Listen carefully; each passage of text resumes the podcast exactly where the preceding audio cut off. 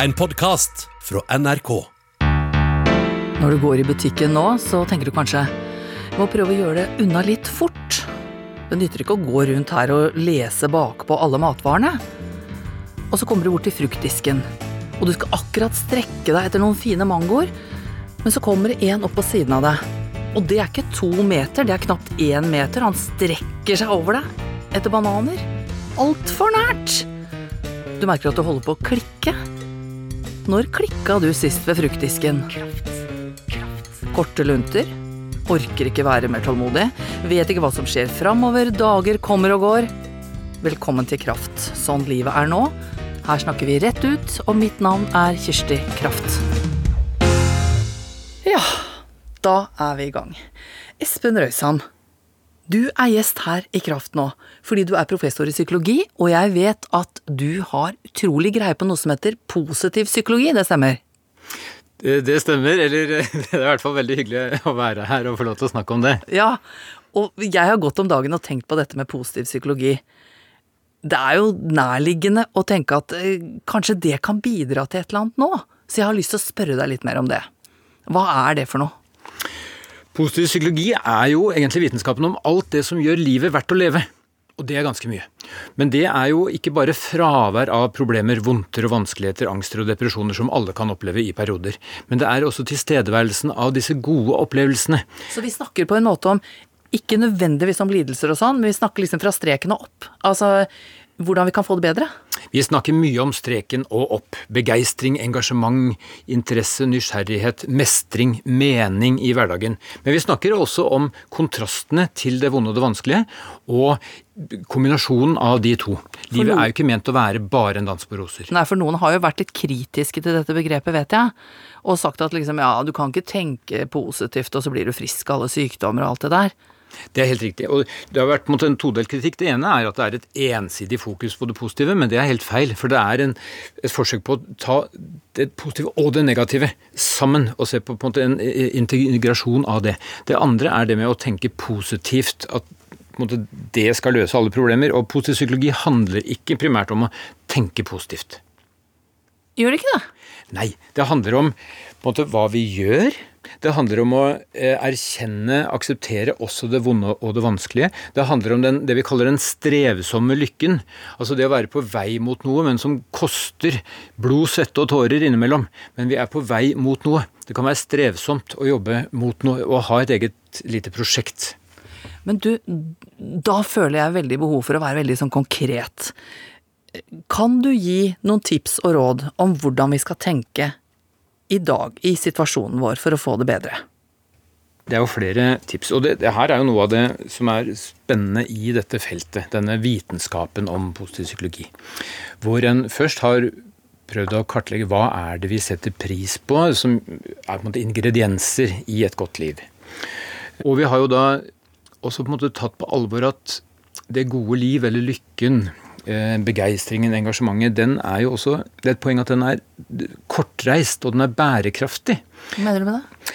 Det mener jeg eh, at lykken kan være her og nå. Den kan være i de små ting. Den kan være i, i de nære relasjonene. Den behøver ikke å koste penger. Den er gratis i mange tilfeller. Altså du mener sånn, lykken er ikke å ja, Nå blir det jo ikke den sydenturen til sommeren, men liksom det at jeg hadde gleda meg til den, da. Det er langt borte, det er ikke kortreist. Mm. Men, langt, men, hva er kortreist, da? Det er en telefon til en god venn du ikke har snakka med på lang tid. Det er ikke så gøy, da. jo, det er, kan være så gøy. kan det det? Nei, det, det syns jeg var litt sånn rart. Nei, men det, alle må jo på en måte finne eh, sin vei inn i f.eks. relasjonene eller andre aktiviteter. Eh, men mye av det man finner som kilder til god hverdagsmestring, mm. er jo de små tingene. Og det er jo her eh, forskere har lagd ulike lister over måte, øvelser som vi kan jobbe med. For å eh, finne de kortreiste små? Ja, riktig. Ja. Og eh, her har man jo lansert disse fem om dagen som en slags apropos til fem frukt og grønt om dagen. Jeg trodde det var det du mente. Ja. Det er ikke de fem uh, matvarene? Nei, det, de er ikke de fem matvarene. De er jo viktige også for helsa vår, men vi har fem psykologiske om dagen også. Og de fem om dagen er for det første lære noe nytt. Det viser at folk som stadig lærer noe nytt, de scorer høyere på mestring, mening, hverdagsglede og gode, eh, høy livstilfredshet. Det ser jeg rundt meg, for det er så mange som har begynt å strikke nå. Det er masse strikking, det er fantastisk. Ja. Og det gir jo en opplevelse av nettopp læring, mestring, og det er også noe meditativt, noe tilstedeværende i denne strikkingen. Og så viser man det på, på FaceTime, ikke sant. Se Ja. hvor langt jeg er kommet nå. Ja. Så det, strikking er et knallgodt eksempel på at man kan lære noe nytt i disse tider. Og andre vil gjøre andre ting, lære noe nytt. Noen tar opp fot, fotoapparatet, andre begynner å tegne, noen begynner å synge. eh, Noen lærer seg et språk på et uh, kurs på nettet. Det er masse ting man kan gjøre for å lære noe nytt. Og det at man lærer noe nytt, det gjør noe med hjernen, da. Det gjør noe med hjernen. Det gir jo på en måte, det utfordrer hjernen, det skaper nye koblinger i hjernen, og det gir en opplevelse av at man er på vei. Man, det skjer noe. Man står ikke fast i en slags koronamyr, men man, man beveger seg litt bort fra den, og så er man i en prosess hvor det skjer en utvikling. Så det var det du snakka om, det at jeg sa prosjekt. Altså der framme skal det være bedre. Helt riktig. Der framme er jeg den superstrikkeren, eller fluefiskeren, eller hva det heter. Ja, ja. Ja. Så det å lære noe nytt er eh, første bud, på en måte. Eller første frukten av de fem. Det andre er jo rett og slett å være aktiv. Altså, og det er jo en utfordring i disse tider. Vi vet at det er bra å være aktiv, fysisk aktiv. Det kan være å trene hardt, men det kan også være å gå en tur. Det kan være å gjøre nye ting. Det syns jeg vi har hørt masse om. Det har vi hørt masse om. Men det er viktig å minne seg på at det faktisk gjør en forskjell. Ja. Og det er lett i disse dager å bli sittende hjemme.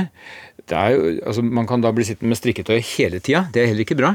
Man skal gjerne strikke, men man må også ut. Så være aktiv er en av de fem. Så er det jo også dette med å være oppmerksom, å være til stede. Altså på en måte å legge merke til lukta av kaffe, kaffekoppen om morgenen. Eller fuglekvitter. Det er mindfulness er Ja. et eksempel på det. Mindfulness er på en måte én retning som er en måte å få fram denne oppmerksomheten på. Men hva gjør det med meg hvis jeg da står sånn og lukker øynene og tenker bare sånn Her, ja, jeg kjenner det lukter kaffe, det er deilig, og nå, det, snart skal jeg drikke den kaffen. Hva gjør det med meg? Det skaper jo en sånn kiling nærmest i hjernen. En, det, det skjer noe. Du får en sånn mm. Og så gjør det noe med oppmerksomheten, konsentrasjonen din. For at vi har det jo med å veldig ofte leve enten i fortiden eller fremtiden. Vi bekymrer oss for sånn og sånn, så, sånn som skal kunne skje. Vi tenker på alt som har skjedd. Og sånn er vi skapt for å på en måte håndtere eh, en framtid basert på en fortid. Men så glemmer vi ofte å være bare til stede her og nå. Og vi trenger å på en måte ha en konsentrasjon om øyeblikket også. Blir man rolig av det, eller? man kan bli rolig av det. Hvis man da ikke er opptatt av forferdelig vanskelig vonde ting. Altså Man kan jo være til stede og opptatt av en TV-serie som er forferdelig skremmende. Men hvis det er de rolige type eh, hestehoven som blomstrer, eller eh, eh, kaffekoppen, eller noe. Men mener du da f.eks. hvis jeg går tur, at jeg skal liksom stoppe litt innimellom og, og se på barken, liksom? Ja. Og si ja, det var sannelig, det er sånn bark ser ut, ja, det er akkurat, ja, og det, det er såpass mye, jeg kan liksom klå litt på den og ja, det kan du gjøre. Det mener du kan kan være bra? Ja. ja. Uten at barken er det at Jeg tenker jo ikke at hele Norges befolkning nå skal ut og kjenne på barken. Ikke det? Men, men, men det å ta seg tid til å stoppe opp og være oppmerksom på øyeblikket, lytte til de lydene som er rundt en, eh, se hva en ser, eh, kjenne på lukter. Vå- Vårluktene er nå rundt oss overalt. Fuglekvitter er der. Vi Og det en, er en slags mental hvile, altså. det er mental hvile. I de øyeblikkene. Ja. Som vi tar med oss videre. Så det er jo en, på en måte en naturlig mindfulness-trening. Og det er noe med i disse tider hvor våre sosiale relasjoner er nærmest blitt todelt. Vi har en gruppe mennesker som vi bor sammen med, de som bor i en familie eller en husstand med flere. Du snakker om de som er altfor tett. Jeg snakker om de som er veldig tette, på godt og vondt. Ja. Og det gir jo en nærhet og noe fint, men det gir også grobunn for på en en sosial slitasje og konflikter. Det skal vi snakke mye mer om seinere i Ja, programmet. fint. Det andre er jo de menneskene som ikke ser lenger, som vi pleide å møte i hverdagen. Kolleger, slekt, venner. De er plutselig borte. Eh, Så verden er delt i disse vi bor sammen med, og disse vi ikke ser så mye lenger. Men mener du at vi må gå mer på FaceTime og sånn? Det er krevende. Vi, vi må i hvert fall litt på sosiale medier og møte folk på en skjerm eller på en telefon, eller vi kan gå en tur. Vi har jo lov til å møtes for å gå en tur. Men vi må finne vår måte å ta vare på disse relasjonene som ellers er på en måte satt på vent. Men du, nå skal jeg si deg at jeg syns det er litt slitsomt noen ganger å stå med den, holde på med den skjermen. Eh, Jeg liksom snakker så høyt og «Ja, 'åssen er det med deg', og, og nå avtalte jeg med en venninne her om dagen. Jeg sa bare at du, vi må se hverandre på denne maskina her, men kan vi ikke bare ha det litt sånn kort og gripende? For egentlig så er jeg mest opptatt av å se hvordan du ser ut i sofaen nå, og liksom få litt øyekontakt. Og så orker jeg ikke alt det, hvordan er det med slekta di, og alt det der. Så det ble vi enige om. Det er liksom tre minutter. Det syns jeg var er eh, Det, det ble ikke så slitsomt. Nei. Så alle må jo finne sin form på det. Men jeg tenker at det er et godt eksempel på noe som fungerer da for deg. For da har jeg liksom connecta med henne, og så vet jeg hvor hun sitter hen. Høres flott ut. Fortsett med det. Det siste av de eh, fem om dagen er jo det å gi. På en eller annen måte gi noe. Det er også relasjonelt, ikke sant. Eh, Det er gjort studier, eh, amerikanske forsøkspersoner som fikk, halvparten av de fikk eh, 100 dollar som de skulle bruke på seg selv i løpet av en dag, og en annen gruppe fikk eh, samme sum som de skulle bruke på andre. Og så undersøkte man hvem av de, dem som var gladest etter denne dagen. Og de var jo langt gladere de som hadde brukt pengene på andre enn seg selv. De var også glade de som hadde kjøpt seg noe nytt selv, men de var gladere de andre. Det er et eksempel på at vi, måtte, vi blir glade av å gjøre noe godt for andre, og det å gjøre noe godt for andre er også smittsomt, så det kommer jo også tilbake til oss selv. Smittsomt, hva mente du nå? Nei, akkurat som gjesping er smittsomt, latter er smittsomt, og det å gjøre noe godt for andre er også smittsomt. Det Nå, jeg, nå trodde jeg kanskje at du mente at det var smittsomt, for da er du i nærheten av noen. Da er Nei, du smitta. nei, jeg tenkte ikke koronasmitte i det hele tatt. Jeg tenkte en giversmitte. Ja, at det, hvis du er glad, ja, da vil noen andre Ja, og det er en, på en måte en glede som går i en eh, runddans, da. Litt enkelt. Så dette, dette er jo på en måte fem om dagen, som, som også Helsedirektoratet har anbefalt, og Rådet for psykisk helse. Eh, og Det er på en måte lette øvelser, og det, dette er et eksempel på at positiv psykologi ikke handler om bare å tenke positivt, det handler om å gjøre ting. Litt mer av noe. Lær noe nytt. Litt mer enn du pleier. Eh, vær litt mer aktiv. Eh, gi eh, Vær til stede oppmerksom, ikke sant?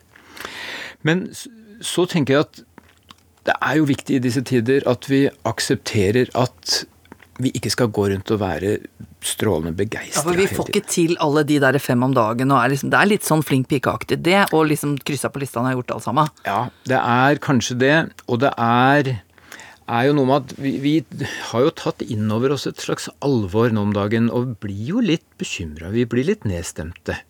Og vi, jeg tror vi skal akseptere at vi er det. Vi skal ikke gå rundt og late som at vi skal være superbegeistra. Så det er ikke farlig det heller, på en måte, å si at ja, dette er en krevende greie. Jeg tror det er veldig viktig å erkjenne at det er en krevende greie. Vi reagerer forskjellig på det, men mange av oss reagerer på det. Det, det skaper en usikkerhet. Det snakkes om en pandemisorg. Altså, vi, vi sørger jo over tapet av alle de vanlige hverdagsaktivitetene som vi ikke kan gjøre lenger. Vi kan nesten ikke gå på butikken, vi kan ikke invitere venner på selskap, vi kan ikke se familien som vi har gjort før, vi kan ikke reise på ferieturer. Og da er- handler det om å sette seg ned og si at ja, dette er litt dritt, for å si det rett ut. Ja. Eh, Det går over, men det er litt fælt nå. Og så være litt grei med seg sjøl, da. Det er noe med å være litt grei med seg selv. Jeg tenker på én ting. Jeg hørte en gang Stemmer det? En som sa at det, nytter ikke å ha angst og være takknemlig samtidig. Er det, fordi det var, mente at det var motsatte følelser, sånn at du liksom fikk vekk angsten hvis du var takknemlig. Der er jeg litt uenig. Ja. Fordi det er, i hvert fall noen studier jeg kjenner til, så er det sånn at det er, det er jo vanskelig å være alvorlig deprimert og samtidig veldig fornøyd med livet og glad. Sånn at depresjonen og livstilfredsheten ser ut til å være litt motpoler. Men mange rapporterer at de kan ha angst og samtidig være fornøyd med livet og glade. Sånn at gleden og angsten er ikke nødvendigvis gjensidig utelukkende. Men jeg tenkte bare på det med takknemligheten. Kunne det vært en litt sånn triksig måte? Altså, det er ikke sikkert man er så kjempetakknemlig, eh, egentlig, men at man liksom fake it to make it lite grann, og sier at ja, kanskje jeg kan være litt takknemlig for det. Altså, og styrke det litt, da. Ja, og der er det Jeg må få lov til å si to ting om det. Fordi at det ene er jo Det er gjort ganske morsomme studier av eh, OL-medaljevinnere. Eh, hvor man undersøker hvem av de som står på pallen som er mest fornøyd med resultatet. Det gjør man både ved å spørre dem og ta bilder av dem der de står, og så får man uavhengige observatører til å score glede i ansiktsuttrykket. Og så På pallen. på pallen, på pallen, ikke sant? Og så er det jo sånn at av de tre på pallen, så er det jo gullvinnerne som er mest fornøyde. De smiler aller bredest og rapporterer også at de er mest fornøyde. Men så er jo det interessante spørsmålet hvem er mest fornøyd av sølv- og bronsevinnerne? Sølv? Det tenker jo mange umiddelbart, for de er jo nest best. Men svaret er jo at bronsevinnerne er faktisk mest fornøyde. Av de to. Og hvorfor i all verden er det sånn? For du er jo slått av denne sølvmedaljevinneren. Og svaret på det er antagelig knyttet til det vi kaller kontrafaktisk tenkning.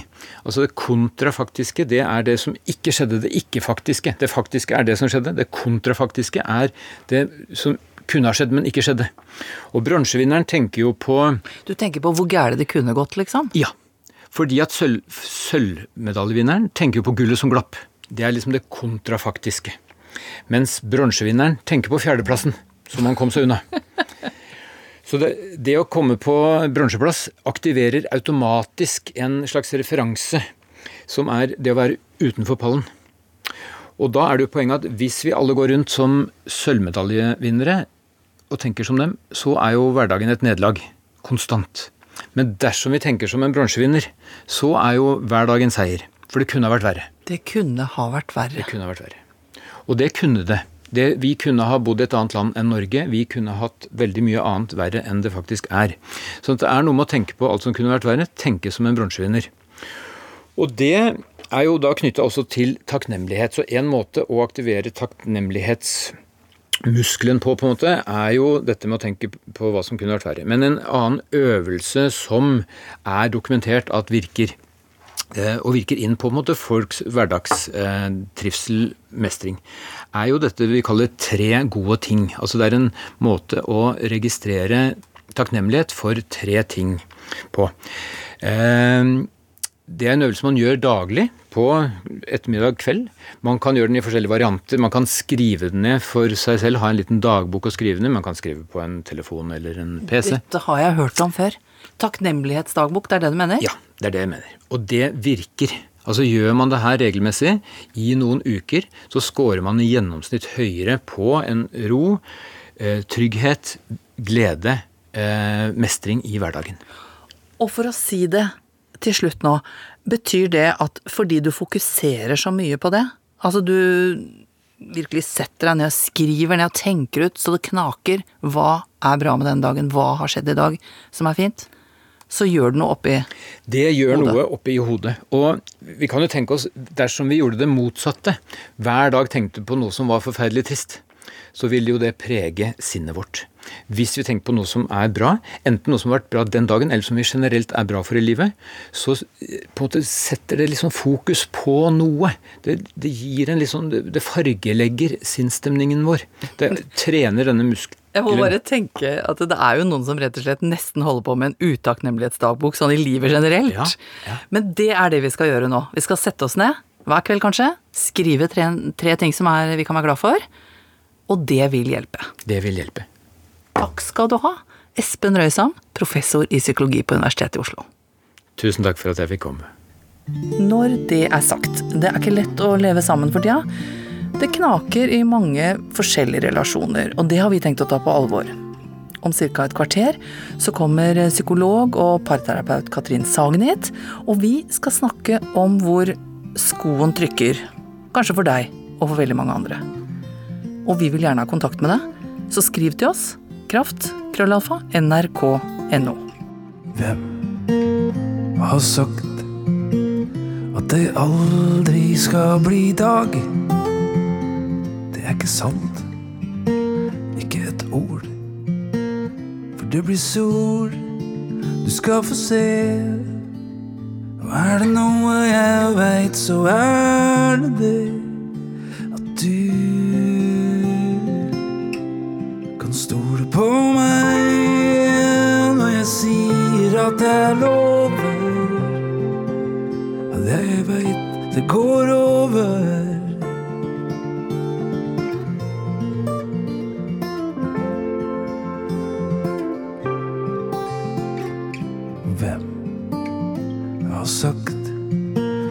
At alt er din egen skyld. Det er ikke sant. Du må ikke tru at det er du som graver øl. For natta kommer seg til ta seg sjøl.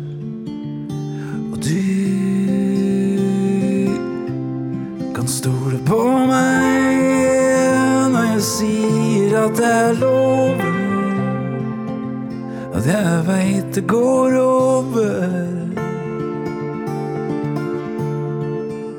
For hva er vitsen med meg om jeg ikke skulle bære deg?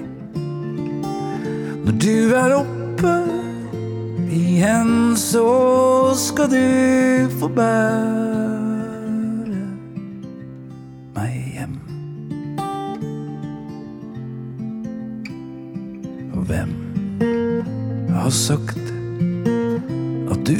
alltid skal ha det sånn?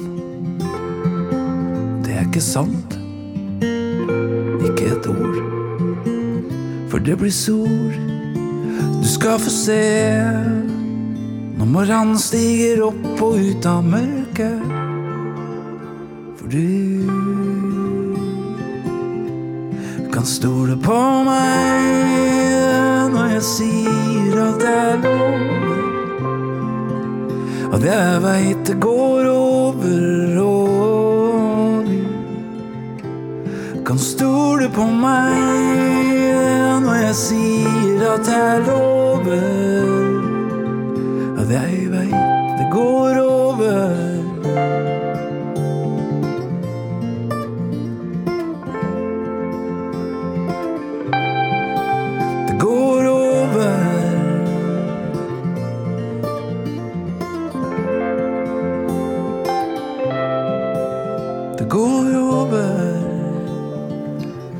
Det går over Trygve Skau, og inn døra kommer Trygve Skau hit. Tenk på det. Takk for at jeg får lov å komme hit. Ja, vet du hva jeg tenker når jeg ser deg? Jeg tenker på noe spesielt. Ja, jeg håper det er det samme som meg. For to-tre år sia I en park. Ja. Nedenfor NRK-huset. Ja, det var sånn hippieaktig stemning.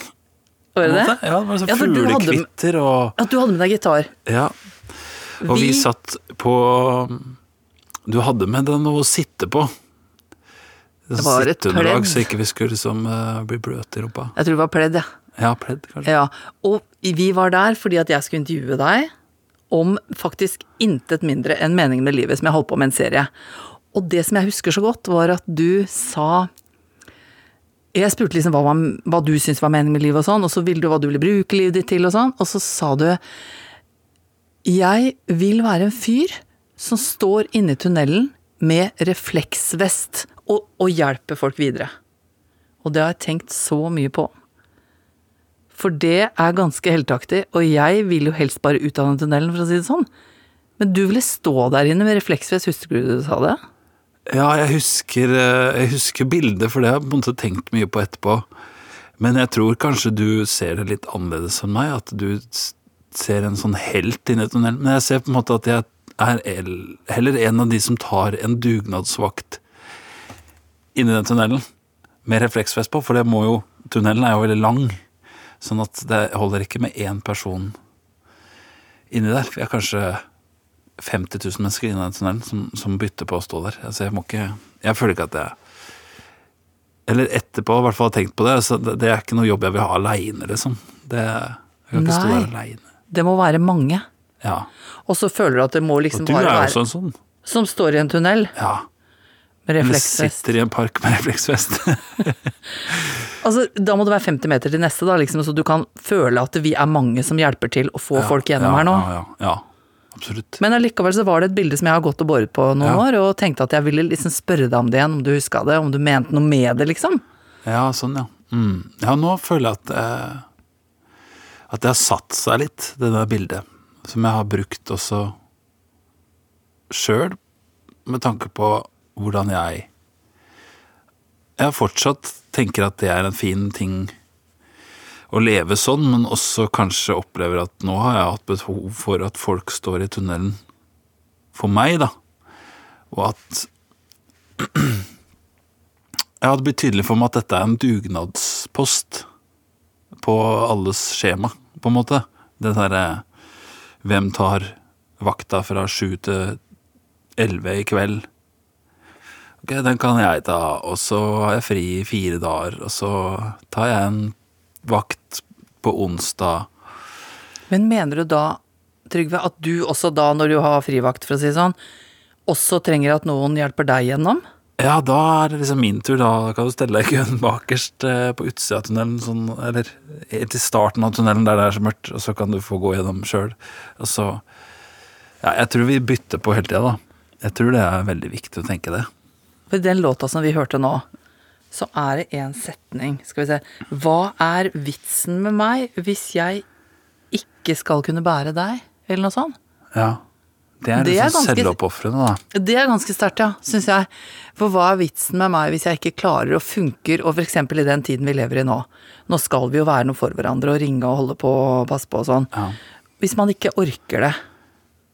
Ja, det, det må ikke være å orke det hele tida.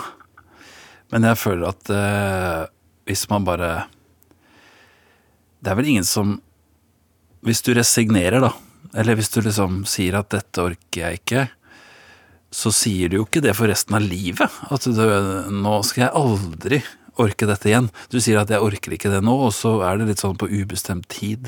Riktignok at du ikke orker det, men alle ser vel for seg at dette kan jeg vel kanskje orke en dag. Men ikke stress med det nå, at du skal orke det, og ikke føl at du må orke det snart, men eh, parentes, vi regner med deg seinere, liksom. At du Det Men tror jeg er liksom viktig. Jeg tenker om deg at du egentlig er en trøster for veldig mange. Og så kommer vi den tida her. Ting er heftig. Eh, er du sliten? Ja, jeg, jeg er litt sliten. Kjenner på det. Hvordan da? Ehm, jeg kan kjenne på at jeg Sånn som i starten av uh, isolasjonstida, eller hva jeg skal si, så, så var jeg jo veldig sånn på Da var jeg kanskje i hvert fall annenhver dag. Vi, har, vi har en Jeg har en mormor som er da mine barns oldemor, som, som uh, bor i tredje etasje i en sånn pensjonistblokk. Og så kan vi ringe til henne og sånn, og det er litt vanskelig å få henne på FaceTime, men det er mulig. Men det hyggeligste er å, å dra dit og ringe til henne og, og si du, det står, det står noe på terrassen til deg. Og så går hun ut på terrassen, så står vi da i den bakgård, eller foran der. Og så kikker hun over gata, ja, men da er det dere. Og så blir det veldig hyggelig, og så varer det ikke så lenge, men så går Så kjører vi bil hjem, ungene, og så har vi hatt veldig avstand, men vi har sett hverandre liksom samme Og det holder du på med. det har vi holdt på med.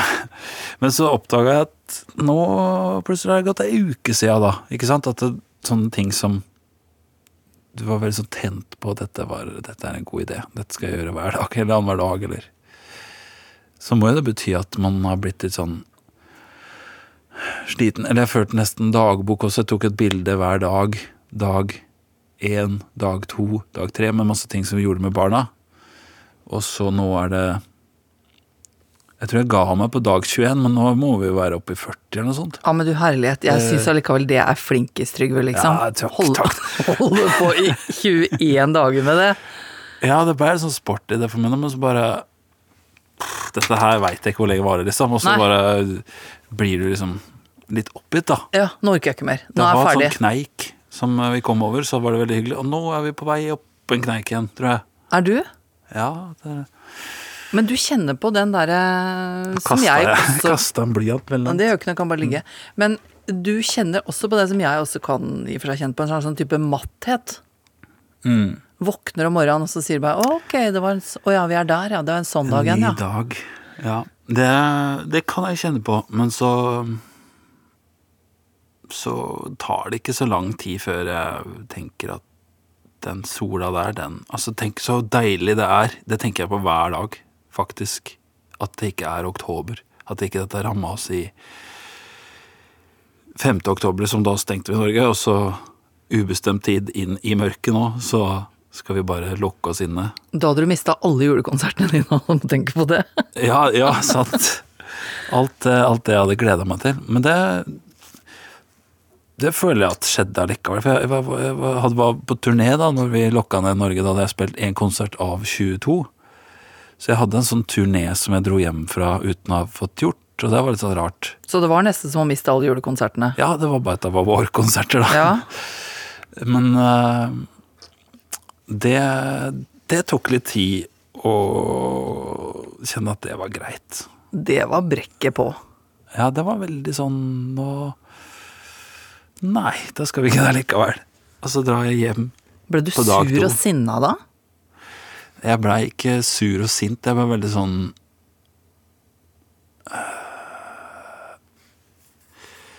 Jeg ble veldig lei meg. For, det, for meg, da, også som har dratt med meg Vi var jo seks personer i et crew, på en måte, i tillegg. Som da er på veien med meg, som, har, som jeg har bedt med på jobb, på en måte. Så du følte på det, liksom? Ja, nå trekk At jeg var liksom skyld i at de hadde det så kjipt. Eh, Men, eh, men så er det jo, har jo slått meg at denne korona er jo ingen skyld. Det er jo bare dens egen skyld. Men du blir jo aldri forbanna sint? Nei, det er ikke ofte, ass.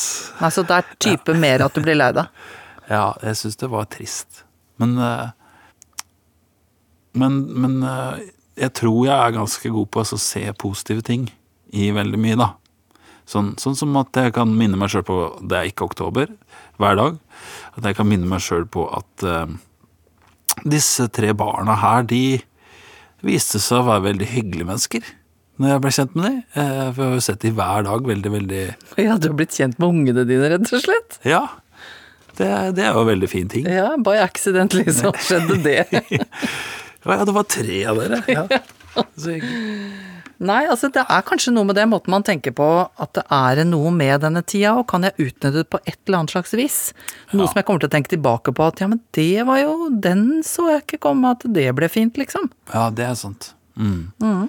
Tenk på at du har en låt som heter Martyren, og der handler det om når alt er mørkt, når alt er svart, og du sier til meg når man ikke ser forskjell på fanden og Moder Teresa. Da er det temmelig svart, Da for å si er det det veldig sånn. mørkt i tunnelen. Ikke sant? Og så sier du da, midt oppi det, gi meg et blikk som aldri viker, og et håp som står av seg sjæl. Og da blir jeg skikkelig interessert og litt misunnelig og tenker hva er et håp som står av seg sjæl? Jeg ser for meg sånn uh, geléslott, jeg, liksom. Aspik. Ja. Som de står og disser litt, men allikevel et sånn håp som kan stå av seg sjæl. Har du det? Jeg tror, eh, jeg tror ikke håpet mitt er sjølgående, på en måte. Men jeg tror eh, håpet mitt er eh, det er Det er mitt ansvar å nære det, akkurat som det er Jeg har et sånt bilde av håpet mitt som den der Jeg har en sånn orkidé som jeg har i vinduskarmen. Som eh, da ganske sånn tydelig innimellom er oppe på flere runder nå, liksom, med orkidé, på en måte. For han døde Altså den har visna innimellom og kommet tilbake med Ja, med så kommer det en sånn ny eh, stilk opp, som da plutselig er veldig gira i starten, og så må han ha litt hjelp av en sånn støttepinne, for da må jeg feste en sånn klype til denne stelken for å få den til å vokse. Så vil den bare oppover, oppover, men han- han begynner jo han er veldig slitsomt å stå aleine, på en måte. Men når den er i sin fulle blomst der, så, så kan jeg likevel ta av klypa og støttepinnen, og så, så henger den liksom en stund og er litt sånn tøff. Han er for, kanskje samme bevegelsen som din aspik, eh, Ja, litt ditt da. Litt sjanglete. Men det står av seg sjøl, liksom, i noen i, Kanskje en dag eller to før han hadde booka, og så og så, men så, hvis jeg trenger det, da, så kan den stå litt av seg sjøl, tror jeg. Men jeg, det passer på nære Du må på med klypa når det blir for lenge. Altså støtte opp litt. Ja, du må ikke, la, jeg tenker, jeg må ikke la håpet stå unødvendig mye aleine. Må måte være to om det. Men Kanskje vi da må dele, da. Altså når vi står inne i tunnelen der. ja, hvis du har et håp, da. Ja, Som- og så står du ved siden av meg, litt inn, lenger inn, med refleksvest, og så står en annen innafor der. Ja, la oss kalle han Geir. For eksempel. Og så kan vi på en måte kikke litt på hverandre og gi hverandre og styrke hverandre i håpet. Kan det være litt sånn? Ja, vinke litt på avstand og Vi kan i hvert fall lage det sånt bilde. Ja. Det er ja. ikke sikkert det er sånn i virkeligheten, men jeg tror et eller annet med at vi kan styrke hverandres håp. Den dagen jeg ikke har det, så kan jeg ringe til deg, og så kan du hente det fra et annet sted. Ikke sant? At vi er litt der, men Ja, også akseptere at vi er slitne og ikke orker å, Ja, det holde må hverandre oppe. være lov. Men da kan du få noen andre til å vanne, ringe, ringe på hjelp, eller få en avlegger, da, som det heter i blomsterverdenen. At du får, eh, får noe fra min blomst igjen, kanskje du kan bruke den. Ja. Det ble veldig, veldig Men det der botanisk. Det, jeg er ikke så botanisk, men den orkideen har jeg virkelig fått til, og da føler jeg at det, det gir meg et håp for mitt eget håp. At jeg, ja. Det har i hvert fall blitt den der håps. Den er rosa og hvit og har det best i gangen. det er ikke sånn med håp òg, kanskje. Har det best i gangen. Gi meg et blikk som aldri viker, og et håp som står av seg sjæl. Takk for at du kom, Trygve Skau. Takk for at jeg fikk komme. Som en martyr jeg stolt inn i natta. Uten å vite hvilken kamp jeg skal ta. Så mørkt at jeg ikke klarer å skille. Mellom fanden sjøl og moder Teresa. Så gi meg et blikk som aldri viker. Et håp som står av seg sjæl. Et hjerte som tåler å knuses uten at det slår seg i hjel. Gi meg bein som orker å løpe etter hver nye drøm. Gi meg tru som flyter når jeg legger på svøm.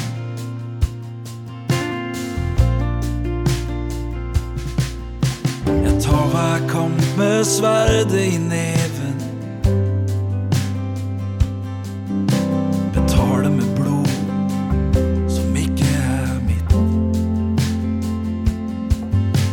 Spørsmål om jeg overlever. Gå fanden om moder Teresa hvert vært sitt.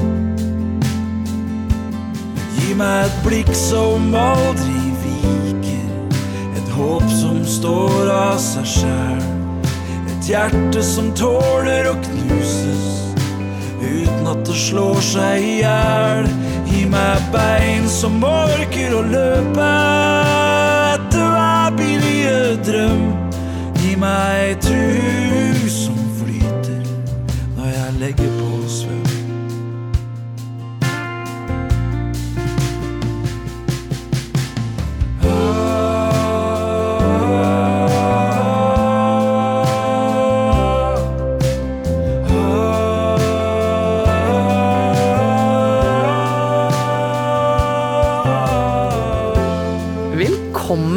Katrin Sagen, psykolog og parterapeut. Takk. Dette har jeg gleda meg til, rett og slett. Ja.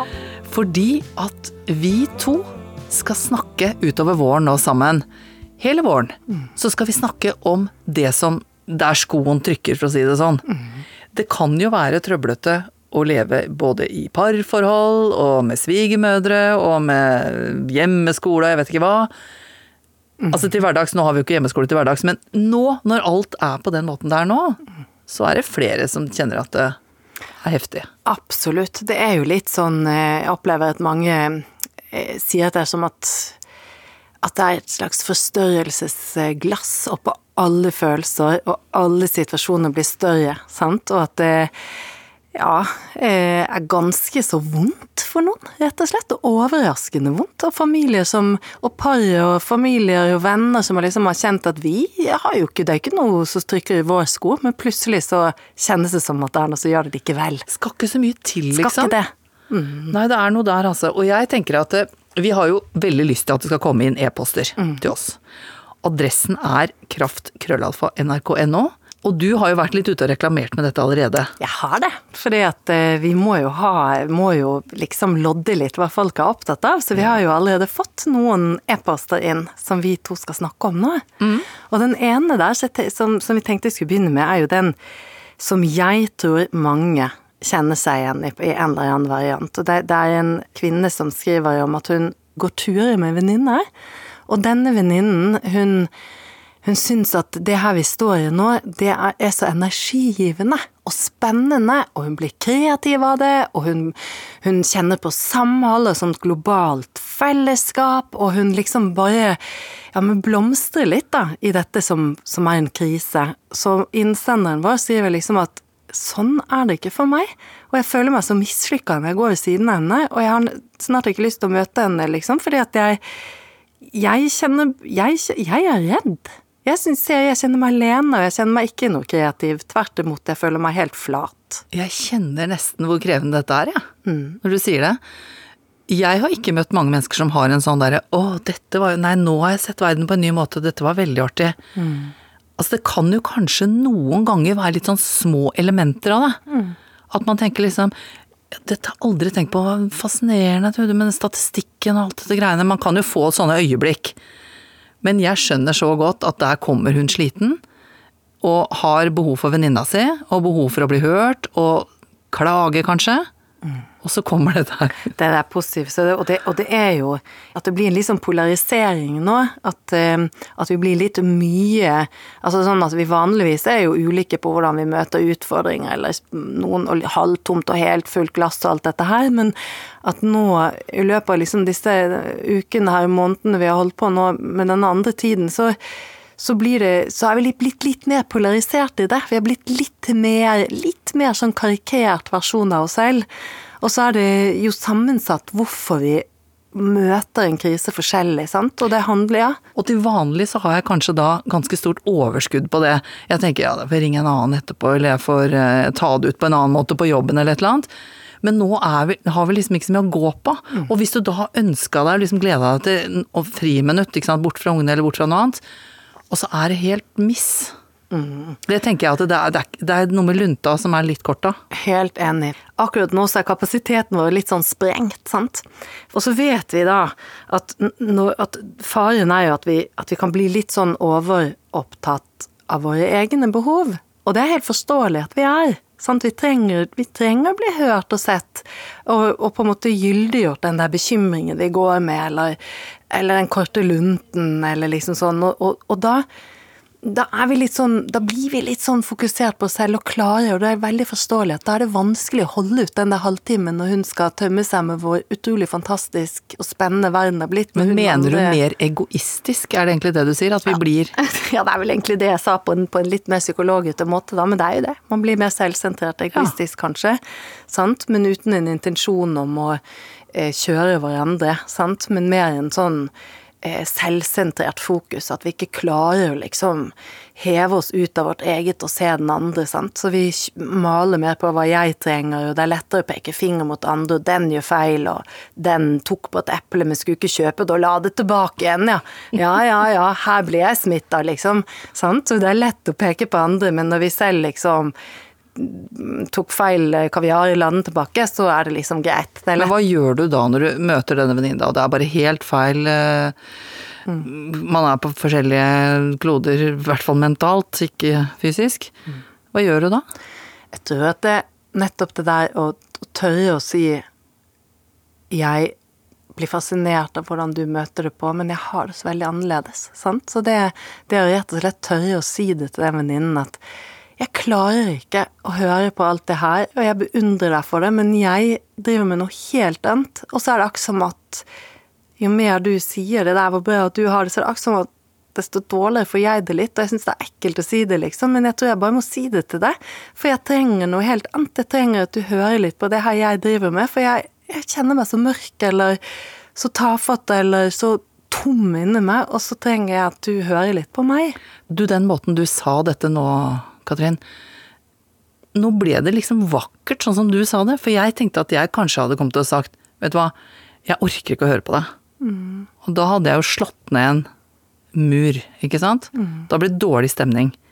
Men den måten du sa det på nå, du sa et eller annet om at du skjønner, ja, jeg hører at du er på et sted og greier, men jeg vil bare fortelle at jeg har litt mis jeg har smerte smerter inni meg, liksom. Gidder å kikke litt på sånn, det? Jeg trenger det. Og så er det plutselig kan man jo gjøre at det kommer litt ut, hopper ut, litt sånn som du sa. Det er jo veldig vanlig at vi gjør det. Jeg orker ikke å høre på dette her mer. Sant? Og så blir det dårlig stemning. Det kan jo lett skje. Sant? Så hvis, hvis du plutselig sier det på den måten, så er jo liksom ikke løpet kjørt da heller. For det er mulig, da kan vi gå litt i den dårlige stemningen da. Så går det an å si, vet du hva, det der kom skikkelig dårlig ut. Eh, fordi at eh, ja, men jeg klarte ikke, jeg klarer ikke, jeg klarer Jeg har en verdens minste lunt, det, så nå hoppet det sånn ut. Men det jeg egentlig prøver å si, er Og så sier man på den andre måten etterpå, eller prøver å liksom løfte seg litt ut av det. Det her er litt sånn øvingssak. Sant, rett og slett. Men det du sa med 'du er så lys', altså de ordene der, og 'jeg er så mørk', skjønner du.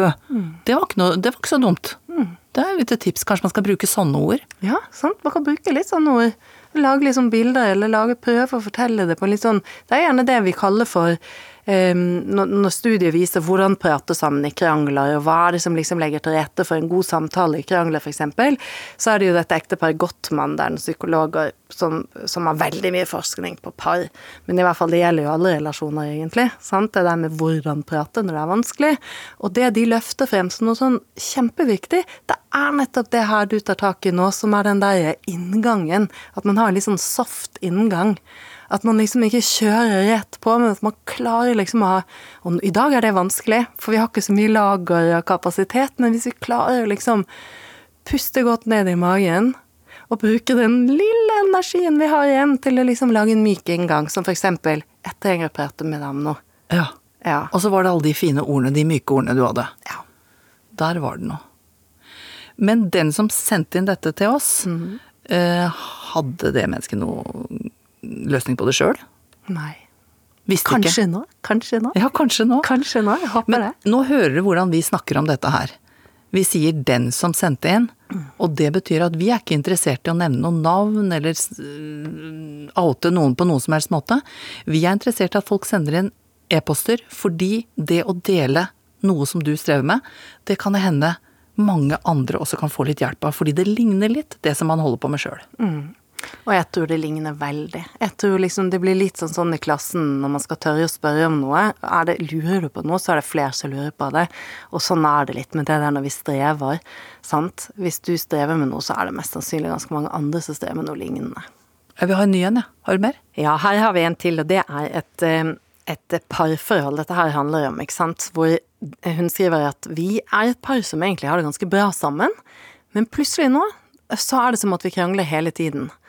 Eh, og så skriver hun ganske masse, men det som hun på en måte kommer, til, kommer frem til, er det der jeg, jeg er redd for at vi egentlig ikke passer sammen. For det virker ikke som at vi får til denne testen her. Betyr det det at vi krangler så mye disse dagene her nå, betyr det at vi egentlig ikke passer til å være sammen resten av livet?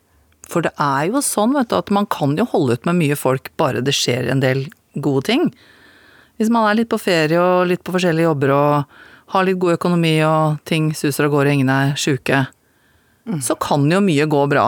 Så det hun tenker er at å ja, her har vi lakmustesten, ja nå, nå vi får litt trøbbel. Da skjønner vi at dette her er jo et dårlig forhold. Er det det? Er vanskelig å svare på, sant? for dette vet jo, vi vet jo men det er litt sånn som med ferie. Det er jo noen som, som driver med den lagt, sånn minitesten hver eneste sommerferie, og tenker at vi får ikke til ferie engang. Da kan vi jo ikke være et bra par. Sant? Og at det er litt den følelsen hun har nå. Når det on, gode onde dager, ikke sant. Jeg tror kanskje at vi ikke skal ta lakmustesten på hele parforholdet akkurat nå, for vi er i en unntakstilstand. Vi har en felles, stor felles fiende nå. Det er ikke innad i parforholdet. Det er ikke venninnen, det er ikke mannen, det er ikke kona, det er ikke ungene. Sant? Vi beskytter oss mot et virus, vi holder på med noe, ikke sant. Vi har en felles fiende.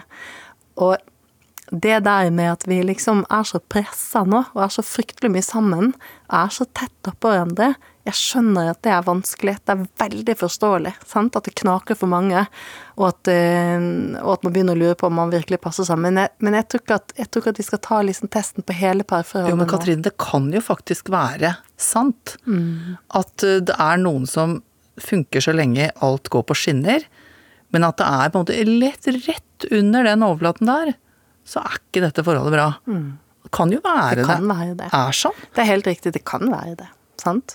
Men skal For- man prøve å ikke tenke på det, da? Liksom bare Nei, det får jeg ta en annen gang. Eh, Nå må jeg bare ta oppvasken og ungene. Um, den er, den er komplisert. For på en måte så vil jo parterapeuten i meg si at nei, det er ikke noe sunt å sette ting liksom legge under teppet, ikke sant. Det bare vokser, det blir bare verre. Sant? Så man må på en måte snakke om det. Eh, nå har vi det så vanskelig.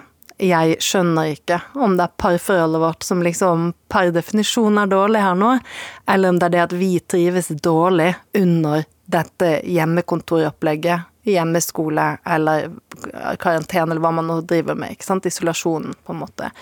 Jeg vet ikke hva som er hva, og det plager meg, jeg blir redd av det. Et eller annet sånn type samtale, og prøve å få det på bordet, lage det til et slags fellesprosjekt, og se kan vi klare, liksom, å sette noen av disse hovedproblemstillingene våre litt på pause nå, og så prøve å snakke rolig med hverandre, ikke stå og skrike. Sette oss ned og se hverandre i øynene og prøve å liksom kjenne dette her drar vi sammen nå. Dette her er den dugnaden vi alle prater om hele tiden. Dette er dugnaden på mikronivå inne i parforholdet vårt. Sant? Eh, og så prøve å sortere unna noe av temaene. Så finner man kanskje noe av disse hvor man krangler veldig masse om. Kanskje man skal ringe et familievernkontor hvis det er skikkelig ille. Prøve å få litt hjelp med det, rett og slett. sant? For det går også an å se på skjerm, altså. Helt en klart. familieterapeut. Absolutt. Ja. Sant? Og så, eh, så, er det jo noen som Det er som du sier, noen har det kanskje Skulle kanskje gått fra hverandre for lenge siden og prøvd å holde ut, og dette er den siste dråpen man ikke tålte. Selvfølgelig kan det også være. Men hvis det er sånn mm jeg hørte om noen som liksom sto omtrent i døra og skulle ta ut en separasjon og den ene flytte, og så kom dette her 12. mars, og så ble det støkk, ikke sant. Og da eh, har de egentlig bestemt seg for at de skal eh, gå et skritt tilbake begge to, sånn rent mentalt, og være litt sånn høflige samboere i denne tiden. Og på en måte banke på hverandres dør mentalt sett, ikke sant? Nettopp, nettopp. Og at de liksom sånn Ja, jeg kjenner jo ikke deg så godt, men uh, nå skal, skal, vi ta rett og slett en frokost nå? Mm. Uh, vi har jo noen barn her og Du skjønner hva jeg mener? Mm. Gå et skritt tilbake, og så være litt sånn høflige, og så får man ta greia etterpå. Mm. Sant, en slags sånn, jeg tror vi kaller det for sånn taus skilsmisse, eh, på en måte, men at dette er en avtalt taus skilsmisse, hvor man på en måte ikke tar skrittet, men allikevel til, eller innfører tiltak, eller hva jeg skal si, som ligner på um, kollektiv, eller samboere, på en måte, eller ikke kjærester, da. Ja, Ikke sant? Og det er en slags sånn solidaritet i det også, tenker jeg. Ja. Man er jo litt eh, flink da. Sant, og det er disse som du beskriver med barn og sånn, ikke sant. Når det er barn der, så er det klart da har du et ansvar, og de skal være sammen, og de har en relasjon, selv om de skal skille seg. Og det er jo denne de på en måte pleier nå. Hvordan være foreldre. Hvordan klare å skille foreldrerollen fra eh, eller kjæresterollen. Vi tar kjæresterollen på pause og så kjører vi Foreldre og Familie AS. Du og jeg nå, dette klarer vi. Og det er det mange som klarer, egentlig.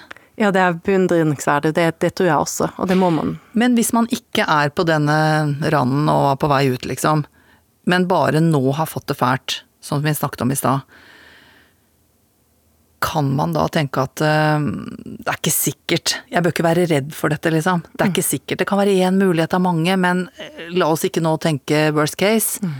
Eh, vi har jo hatt en del gode, fine ting, og det er litt tøft nå, men det går sikkert bra. Altså ikke krisemaksimere, mener jeg. Helt enig, prøv det.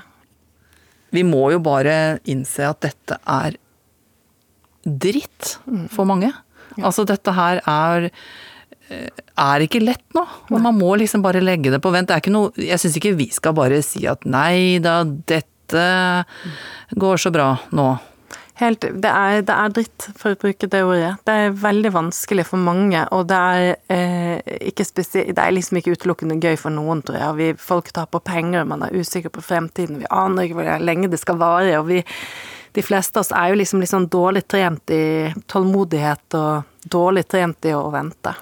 Men akseptasjon, det har vi snakket om før i programmet, og det er kanskje en nøkkel her. Altså si sånn er det nå, sånn blir det ikke alltid men det er sånn nå. Og jeg syns ikke det er noe ålreit. Yes. Vi vil ha e-poster fra deg, og adressen er Kraft, alfakrøll, nrk.no. Ja. Og det er alle typer spørsmål eller kommentarer, fortellinger, delinger. Alt kan vi prate om fordi at vi skal hjelpe hverandre gjennom denne tiden. Mm. Takk for at du kom, Katrine Sagen. Takk. For ca. en uke siden så så jeg noe på TV som gjorde inntrykk på meg. Det var en familie, en mor, en far og en voksen datter, som sto oppe på en lift. Det er en sånn som har lang hals, som du står på når du skal pusse opp fasader på store kontorbygg. Jeg vet ikke hvordan de hadde fått fraktet den hit, eller dit, eller til den tilfeldige blokka de sto utenfor. Det var nemlig ikke en tilfeldig blokk. Alle tre krabbet oppi, og faren holdt pekefingeren på opp-knappen. Og så begynner jeg å skjønne greia. For der, langt oppe i etasjene, så ser vi plutselig noen små, krøllete grå hårlokker stikke fram bak et par potteplanter. En gammel dame kikker forundret på dem, på denne store metallsjiraffen som stiger opp mot henne. Og inni sjiraffens kjeft står de som betyr aller mest for henne i hele verden. Lys levende. Jeg er så glad i deg, mor! roper den ene. Jeg også, bestemor! roper den andre. Vi gleder oss til å være sammen med deg igjen etter dette! Kraft, kraft. Vi kan alle bestemme hva vi vil bruke kreftene på i denne tiden. Hva vil du gjøre til noe stort, og hva vil du forsøke å gjøre litt mindre? Jeg heter Kirsti Kraft. Produsent er Ida Skeie, og teknisk ansvarlig er Eli Kyrkjebø og Bobo Bjørnskjold. Vi er tilbake neste lørdag, samme tid, og du kan skrive til oss på denne enkle adressen kraft. Krøllalfa. NRK.no. Du har hørt en podkast fra NRK. Hør flere podkaster og din favorittkanal i appen NRK Radio.